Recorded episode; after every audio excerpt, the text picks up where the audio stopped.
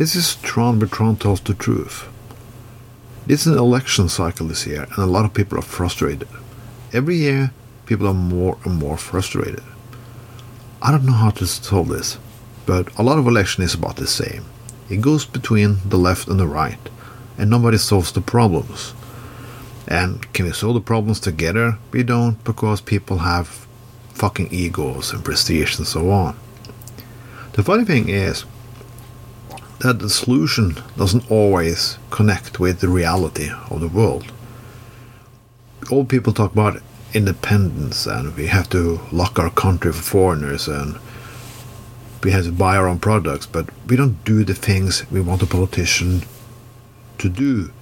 So everything is really bullshit from both parts politicians and ourselves, really.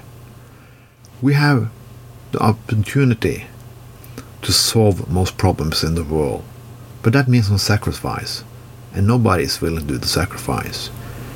A lot of big business that we need tax cuts to invest, invest, invest. People have to work more and more and more. No, they don't really. There's enough money for the most richest people in the world to do what should be done. There are possible to solve the climate change crisis. There are possibilities to stop poverty. It takes will, and it takes will, and it takes will. And the world has nothing of it. We're watching it burn while we fucking shoot each other, stock ourselves up with weapons, believe that WTO is trying to drug us with vaccines to destroy the world, blah blah blah blah. Jesus is coming, Muhammad is coming, all the fucking religions are fucking praying to nothing. We are fucking doomed, but we are doomed because we want to be doomed. I don't know why. Maybe this this how it is. Maybe this mankind is born to die this way. Maybe this is a monument. Maybe this is historical sources. People will find us one day and says, "Fuck, those people are really suicidal." We could have done a lot years ago. Sometimes when people vote, they don't vote very smart. They vote what they wish to be the reality. And when they vote for that party who promised everything and the reality doesn't fit, they blame others the media, the people, the left, the right, God, Satan, sin, homosexuals, transgender people, everyone. They always never go in themselves and see what they can do, what you should be doing, and admit errors. Because that language doesn't exist anymore. We are fucking doomed on the way we're going now.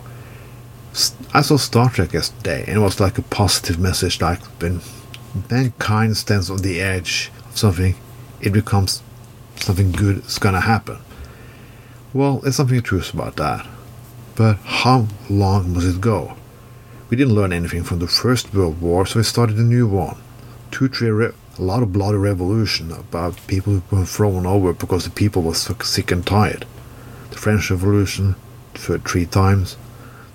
Well, and we can also call what happened in Germany a revolution. Spain, Russia, and so fucking going on and on and on and on.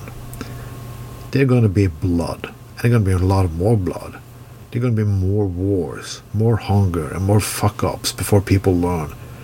But how many millions of people do we have to die? How many, how much pain we have to feel to do what we already know is right to do? I don't know, but it seems like a lot more. I think maybe half of the world population has to die to maybe understand something.